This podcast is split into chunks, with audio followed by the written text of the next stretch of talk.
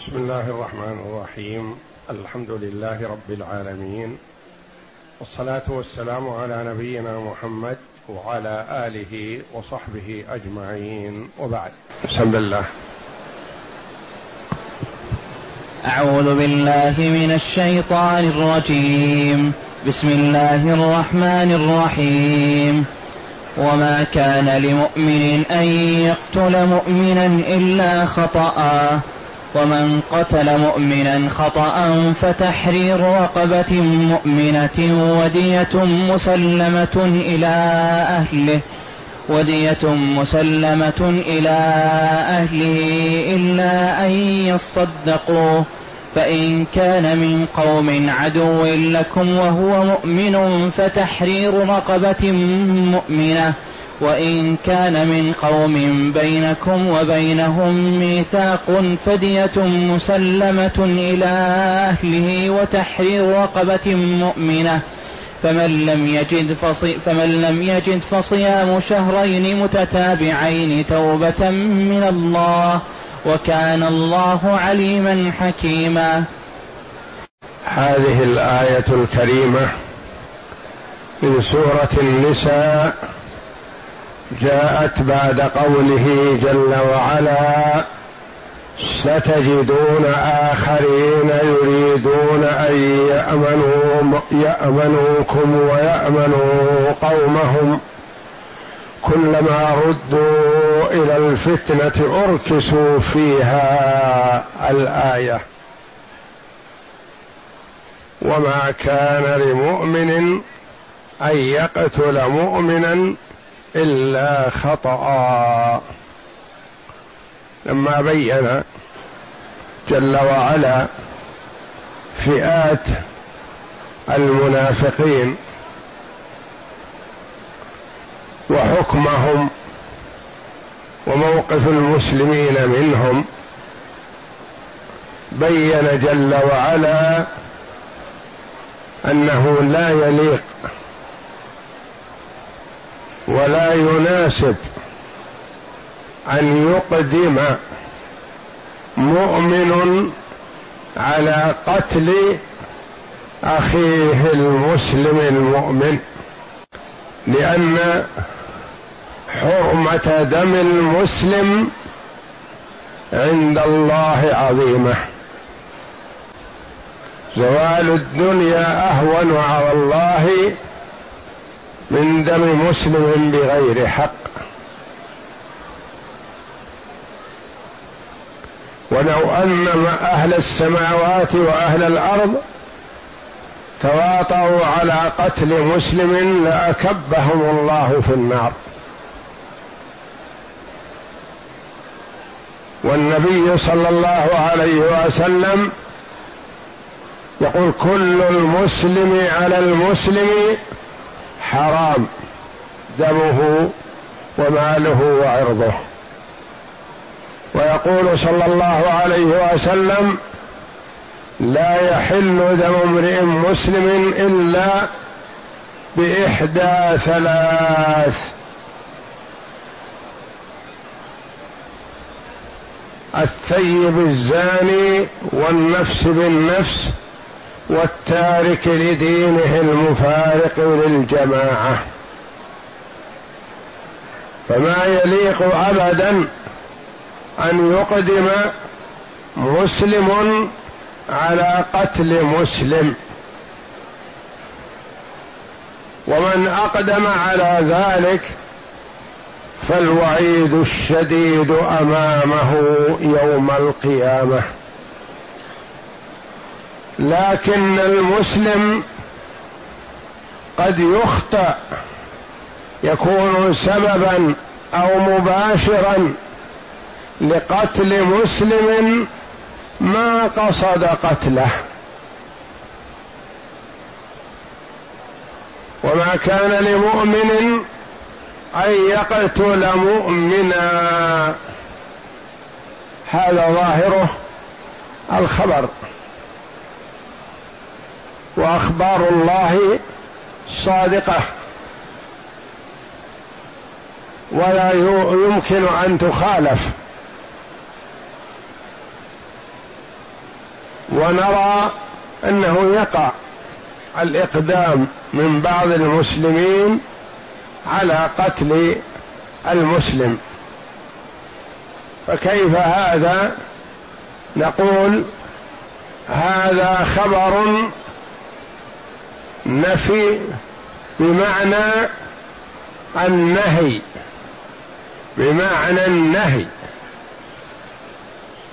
لأن النفي مرادا به الخبر ما يمكن أن يخالف. لكن النفي بمعنى النهي قد يقع المسلم في مخالفة ما نهي عنه فهذا يقال له نفي بمعنى النهي.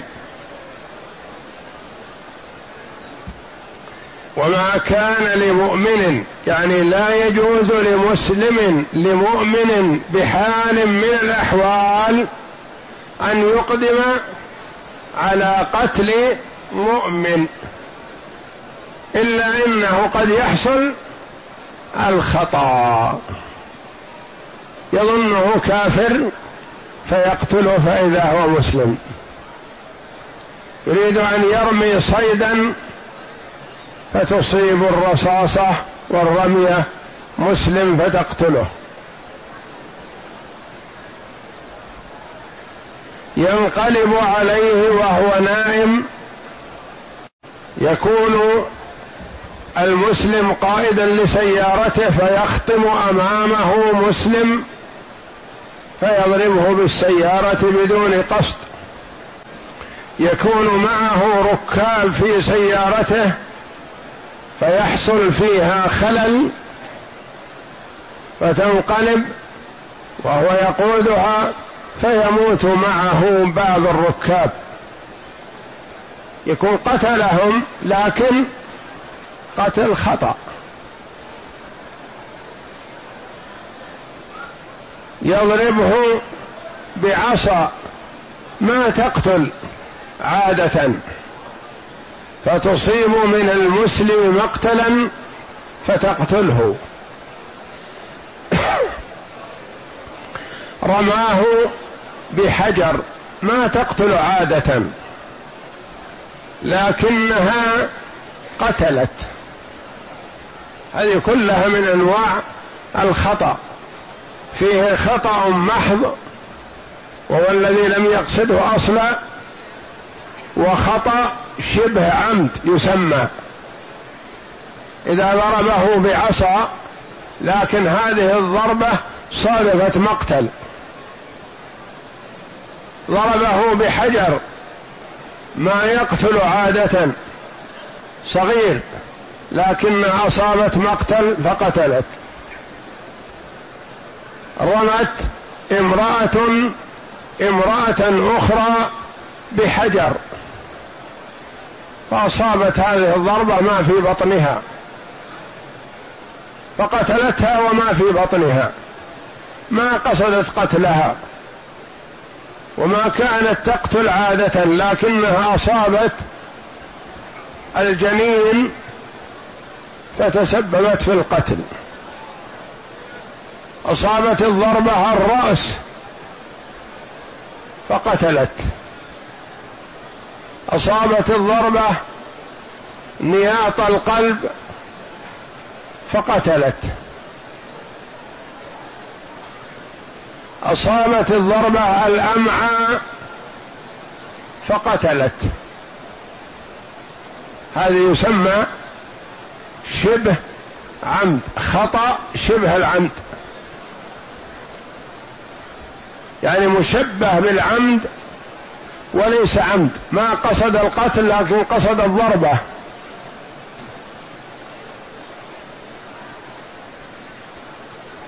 ما الذي يلزم حينئذ؟ بين الله جل وعلا أحوال المقتول. مؤمن خطأ. بين المؤمنين قتله خطأ. مؤمن مع الكفار. لا عهد بيننا وبينهم.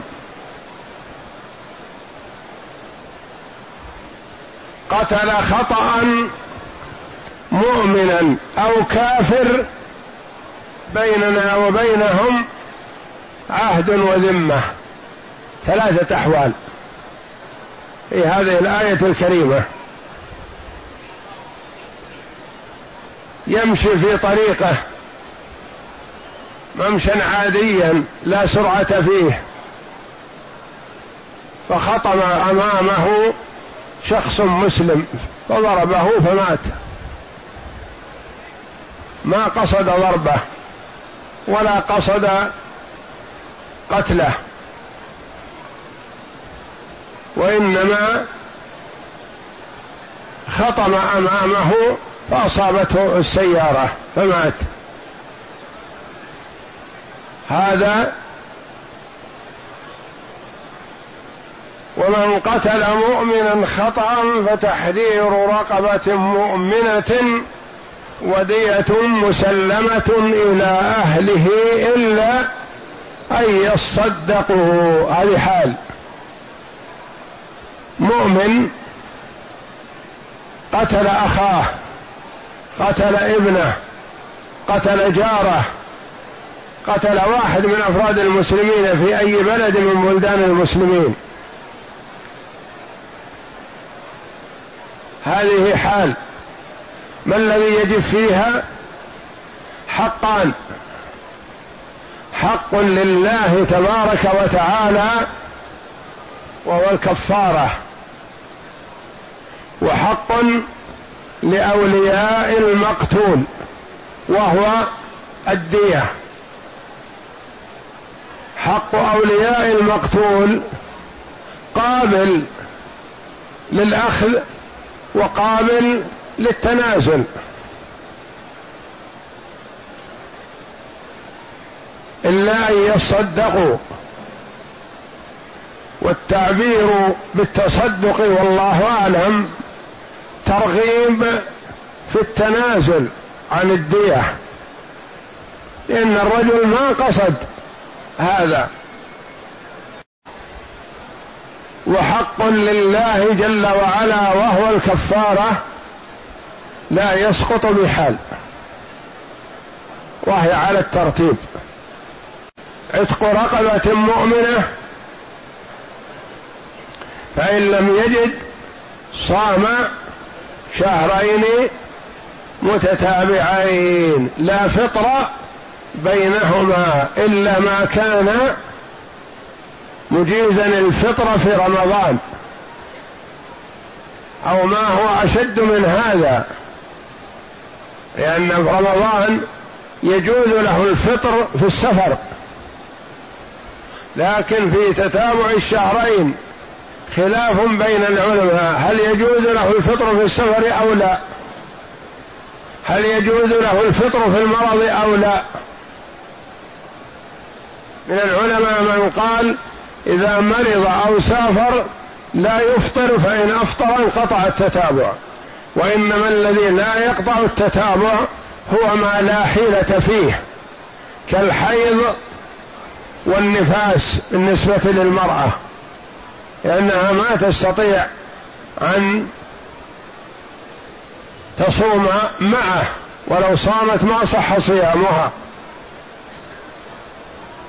قالوا ولا يتصور صيام شهرين متتابعين بالنسبة للمرأة بدون الحيض أو النفاس.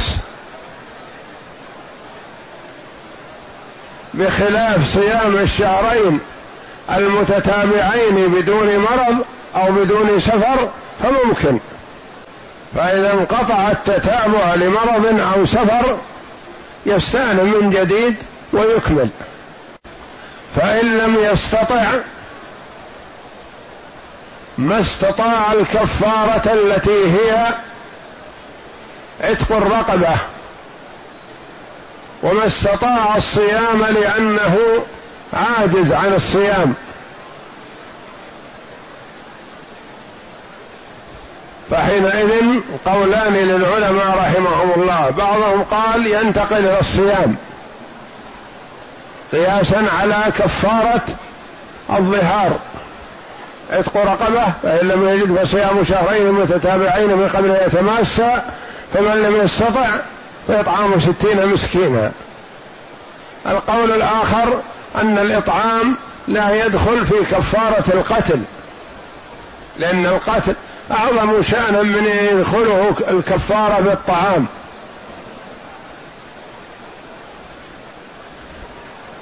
هذه حال من حال القتل الخطأ. يجب فيها حق الله وهو الكفارة ويعتق رقبة فإن لم يرد فصيام شهرين متتابعين فإن لم يستطع فتبقى في ذمته متى ما استطاع. ويرغب الإسلام في التنازل عن الدية. والتنازل ممكن من البالغين المستحقين للدية. وأما القصر من كان دون البلوغ فلا يتنازل عنه. وإذا كان المقتول خطأ مدين فلا يجوز لأوليائه أن يتنازلوا. بل تؤخذ الدية ويسدد بها دينه. لأنهم ما يستحقون شيئا من الدية ولا من التركة إلا بعد سداد الدين الذي عليه. فبعض الناس يجهل في هذا يتنازل عن الدية مع أن المقتول خطأ عليه دين. ويبقى الدين في ذمته ويتنازلون عن الدية والدية ممكن أن تسدد الدين كله. فما يجوز التنازل إلا بعد سداد الدين. والصبي والمجنون غير المكلف ما يمكن أن يتنازل عن حقه إلا من التزم به.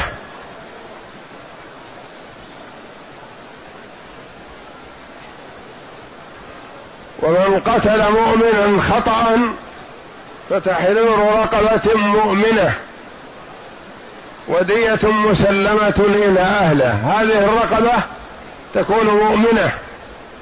وهل يلزم أن تكون بالغة؟ مكلفة؟ قيل يلزم وقيل لا يلزم. وهل يجوز إعتاق الصبي؟ الصغير من ذكر وأنثى عن الكفارة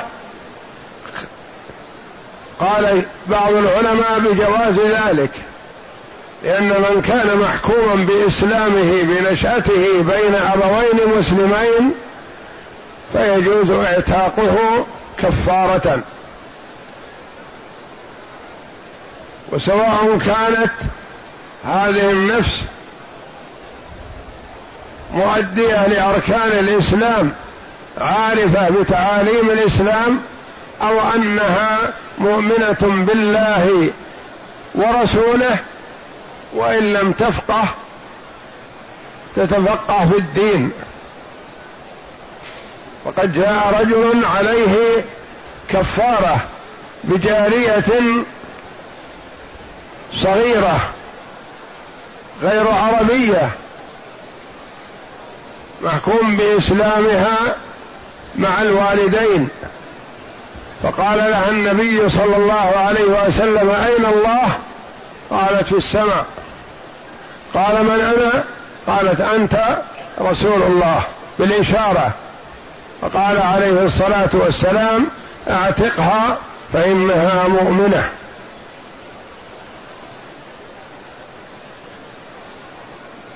الحال الثانية أن يكون المقتول خطأ من قوم عدو للمسلمين.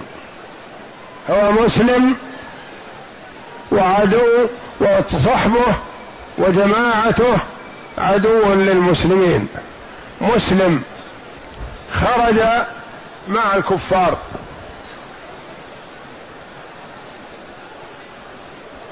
فتراشق المسلمون والكفار فأصاب أحد المسلمين مسلما مع الكفار خرجوا به رغم أنفه أو مضطرا أو نحو ذلك فقتله المسلم. فقتل المسلم عظيم. فتجب الكفارة ولا تجب الدية لأن الدية لذويه وذويه كفار وهم أعداء للمسلمين محاربون لهم فلا يستحقون الدية. وما قال الله جل وعلا فإن كان من قوم عدو لكم. العدو الكافر. ما يقال عن مسلم أنه عدو لمسلم ابدا وإنما المسلم أخو المسلم. إنما المؤمنون إخوة. فإن كان من قوم عدو لكم يعني كفار وهو مؤمن هو نفسه مؤمن لكن صحبه وجماعته وأهله كفار. فتجب الكفاره لقتل المسلم ولا يعطون الدية لأنهم أعداء لنا نعطيهم المال. يقاتلوننا فيه؟ لا. فإن كان من قوم عدوا لكم كافر كفار القوم وهو مؤمن هو نفسه. وليس المراد بالعداوة أنه تناحر بين الفئتين؟ لا. ما يقال عدو إلا للكافر. وهو أي المقتول مؤمن فتحرير رقبة مؤمنة. وجوب الكفارة ولا ديه الحال الثالثة من أحوال قتل المسلم. وإن كان من قوم بينكم وبينهم ميثاق فدية مسلمة إلى أهله وتحرير رقبة مؤمنة. انتبه. وإن كان المقتول من قوم بينكم وبينهم ميثاق. اهتمام الإسلام بالمواثيق والوفاء بها حتى وإن كان من ابرمنا معه العقد والميثاق كافر فنحترمه والله جل وعلا يقول في الآية الأخرى وإن استنصروكم في الدين فعليكم النصر إلا على قوم بينكم وبينهم ميثاق. لو قال لنا أخونا المسلم انصروني من هؤلاء الفئة فئة كافرة وأنا أخوكم مسلم. نظرنا إن كان بيننا وبين هذه الفئة الكافرة ميثاق وعهد وصلح فلا ننصره. هذا اهتمام المسلم والإسلام بالعهود والمواثيق. يا أيها الذين آمنوا أوفوا بالعقود. وإن كان من قوم بينكم وبينهم ميثاق فدية مسلمة إلى أهله وتحرير رقبة مؤمنة. ما ذكر في هذا المقتول أنه مسلم أو كافر ليشمل الاثنين والله أعلم. إذا كان بيننا وبين هؤلاء ميثاق وقتلنا واحدا منهم خطأ فعلينا ديته. سواء كان مسلما أو كافرا. وعلينا الكفارة لأن من قتل معاهدا لم يرح رائحة الجنة. يعني إذا تعمد قتل المعاهد فإذا قتلنا معاهد عمد فذلك خطأ عظيم. لكن إذا قتلناه خطأ فعلينا التوبة والاستغفار وتأدية الكفارة. وإن كان من قوم بينكم وبينهم ميثاق عهد سواء كان يعني الأصل أنهم كفار لكن بيننا وبينهم عهد. مثل ما حصل الصلح بين النبي صلى الله عليه وسلم وكفار قريش في صلح الحديبية. والنبي صلى الله عليه وسلم تصالح مع بعض الكفار على أن لا يقاتلهم ولا يقاتلونه وأعطاهم الذمة والعهد وابرم معهم عقود كما تقدم لنا قريبا في سفره في غزوة تبوك تصالح مع عدد من الفئات منهم من أسلموا ومنهم من بقوا على ما هم عليه من الديانة ودفعوا الجزية فحصل بيننا وبينهم الصلح على هذا. فهؤلاء نحترم دماءهم وأموالهم.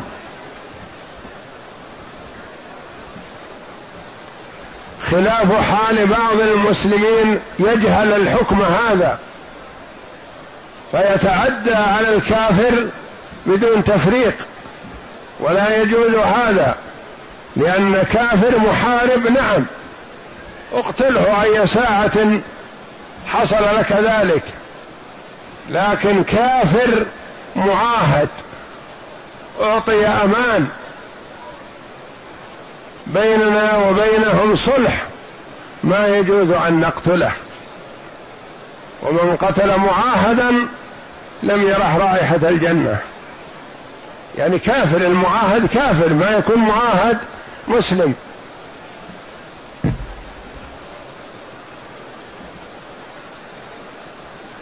وإن كان من قوم بينكم وبينهم ميثاق فدية مسلمة إلى أهله. إن كان مؤمنا دية مؤمن. وإن كان يهودي أو نصراني فدية الكتابي على النصف من دية المسلم. وعند بعضهم أنها مثل دية المسلم. وإن كان مجوسي فبحسبها أقل من دية الكتابي على أن دية المجوسي ثمانمائة درهم أو ما يعادلها كما هو مفصل في أحكام في كتب الفقه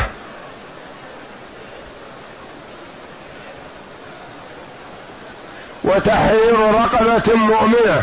نعتق رقبة لكون المرء قتل كافرا.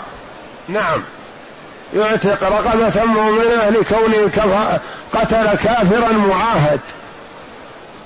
ما يجوز لنا أن نقتل المعاهد.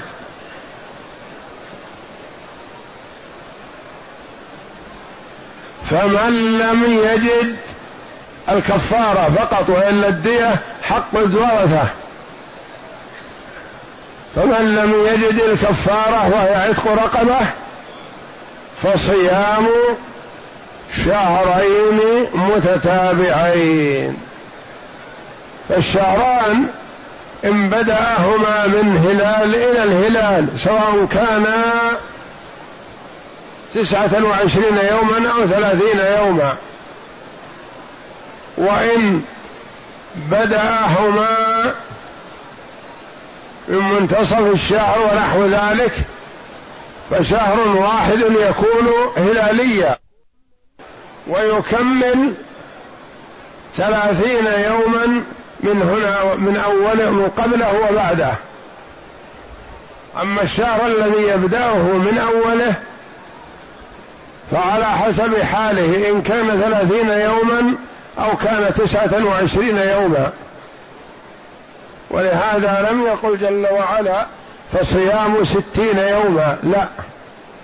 صيام شهرين متتابعين يعني لا يفطر بينهما.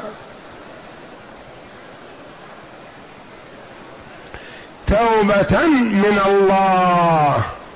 هذه سبب للتوبة من الله جل وعلا على عبده الذي قتل مسلما أو قتل مسلما مع الكفار أو قتل معاهدا سواء كان قومه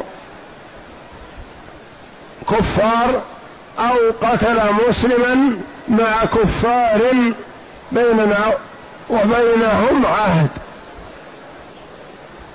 توبة من الله. وكان الله عليما حكيما. عليما في تشريعه جل وعلا. فيما هو من مصلحة العباد. حكيما يضع الأشياء مواضعها. ويقرر ما يستوجب الزجر والبعد عن هذه الجريمة ايا كانت. والله جل وعلا فاوت بين العقوبات بحسب مكانتها وبحسب الجرم الذي يحصل من انتهاكها. فجعل زنا المحصن الرجم بالحجارة حتى الموت. وجعل حكم القتل القتل بالسيف. القصاص. وحد الحرابة كذلك بحسب حاله. وجعل الظهار كفارة عتق رقبة. فإن لم يجد فصيام شهرين متتابعين. فإن لم يستطع أطعم ستين مسكينا. وكان الله عليما أحاط جل وعلا بكل شيء علما حكيما يضع الأشياء مواضعها سبحانه وتعالى. فهو يعلم أحوال عباده وما يصلحهم سبحانه. ألا يعلم من خلق وهو اللطيف الخبير جل وعلا.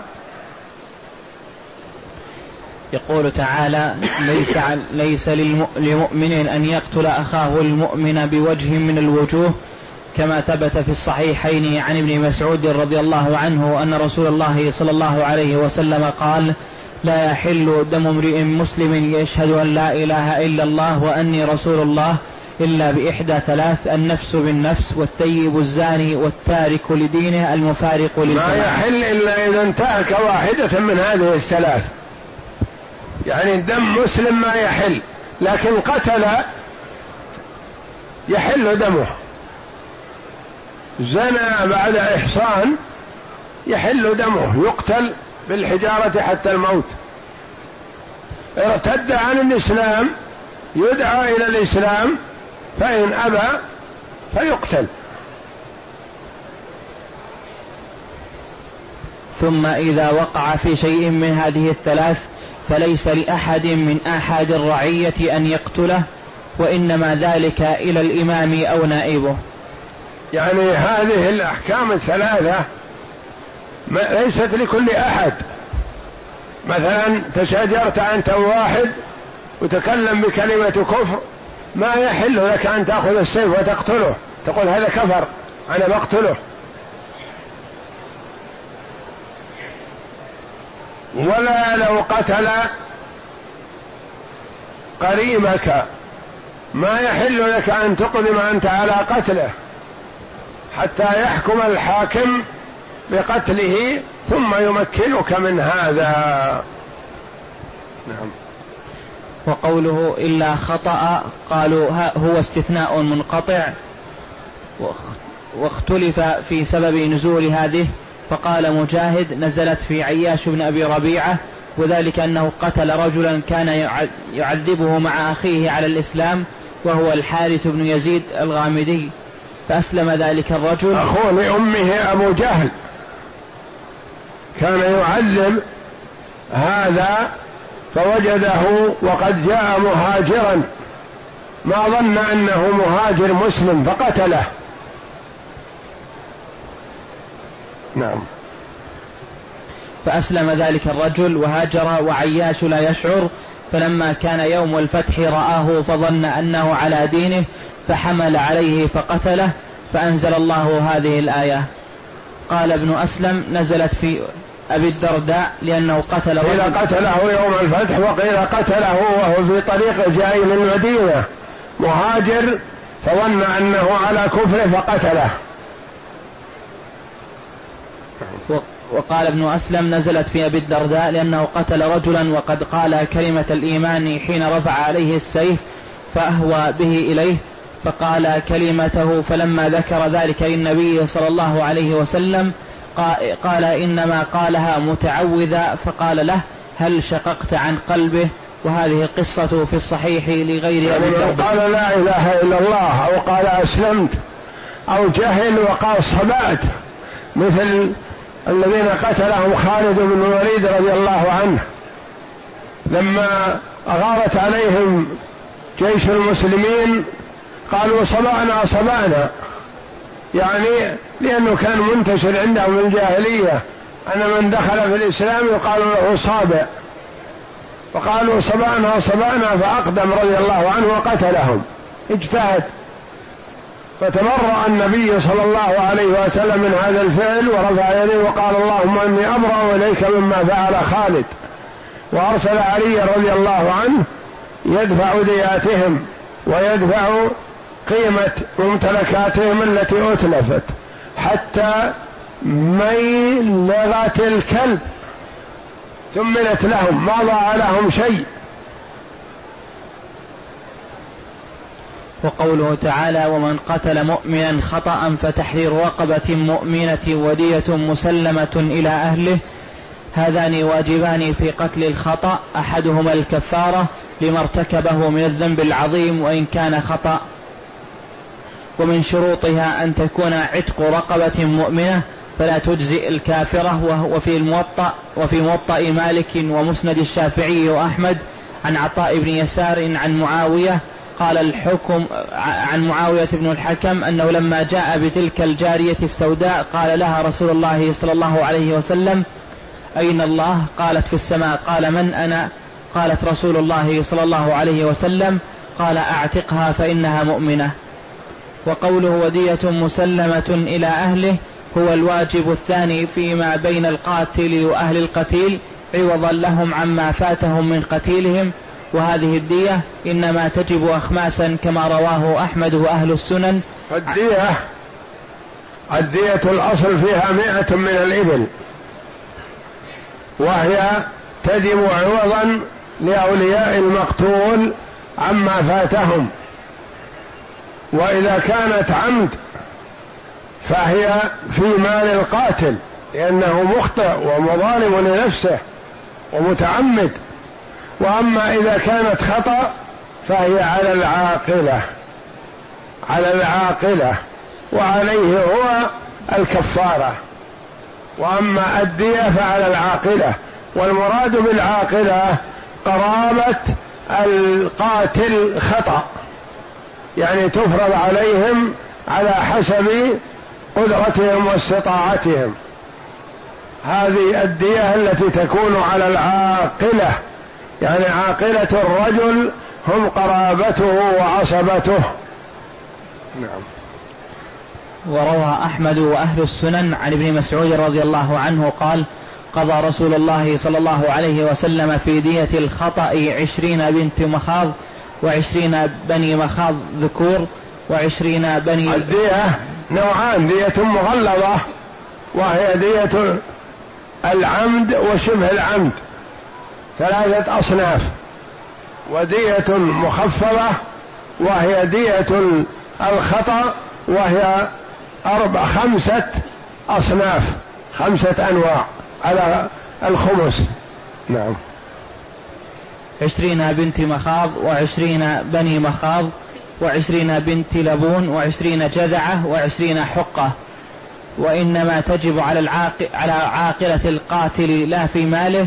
قال الشافعي رحمه الله لم أعلم مخالفا أن رسول الله صلى الله عليه وسلم قضى بالدية على العاقلة وهو أكثر من حديث الخاصة.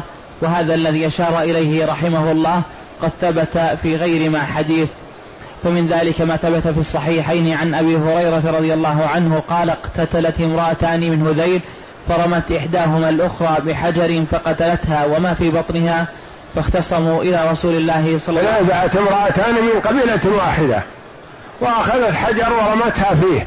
ما تظن أن الحجر يقتل. تريد أن تضربها فقط ضرب بهذا الحجر لكن هذا الحجر صار سببا للقتل. فقتلت فهذا يعتبر شبه عمد. يعني ليس بعمد ولا خطأ ما قصد لأن الخطأ هو ما لم يقصده الإنسان. يعني قصد صيد أن يرمي طائر أو سائر في الطريق ما قصد قتل. فتسبب في قتل فيكون هذا خطأ. وأما إذا باشر الضرب لكن في شيء ما يقتل عادة فهذا يسمى شبه عمد. نعم. فاختصموا إلى رسول الله صلى الله عليه وسلم فقضى أن دية جنينها غرة عبد أو أمه وقضى بدية المرأة على عاقلتها. وهذا يقتضي أن دية المرأة على عاقلتها على عاقلة القاتلة. ودية الجنين على المرأة. وعلى المرأة الكفارة وهي عتق رقبة فإن لم تجد فصيام شهرين متتابعين. نعم. وهذا يقتضي أن حكم عمد الخطأ حكم الخطأ المحض في وجوب الدية لكن هذا تجب فيه الدية أثلاثا لشبه العمد. وفي صحيح البخاري عن عبد الله بن عمر رضي الله عنهما قال بعث رسول الله صلى الله عليه وسلم خالد بن الوليد إلى بني جذيمة فدعاهم إلى الإسلام فلم يحسن فلم يحسنوا أن يقولوا أسلمنا فجعلوا يقولون صبأنا صبأنا فجعل خالد يقتلهم فبلغ ذلك رسول الله صلى الله عليه وسلم فرفع يديه وقال اللهم إني أبرأ إليك مما صنع خالد. وبعث عليا فودى قتلاهم وما أتلف من أموالهم حتى ميلغة الكلب. وهذا الحديث ميلغة الكلب اللي يشرب فيها الكلب أمر علي أن يثمنها لهم. كل ما تلف لهم من مال يعطيهم بدله.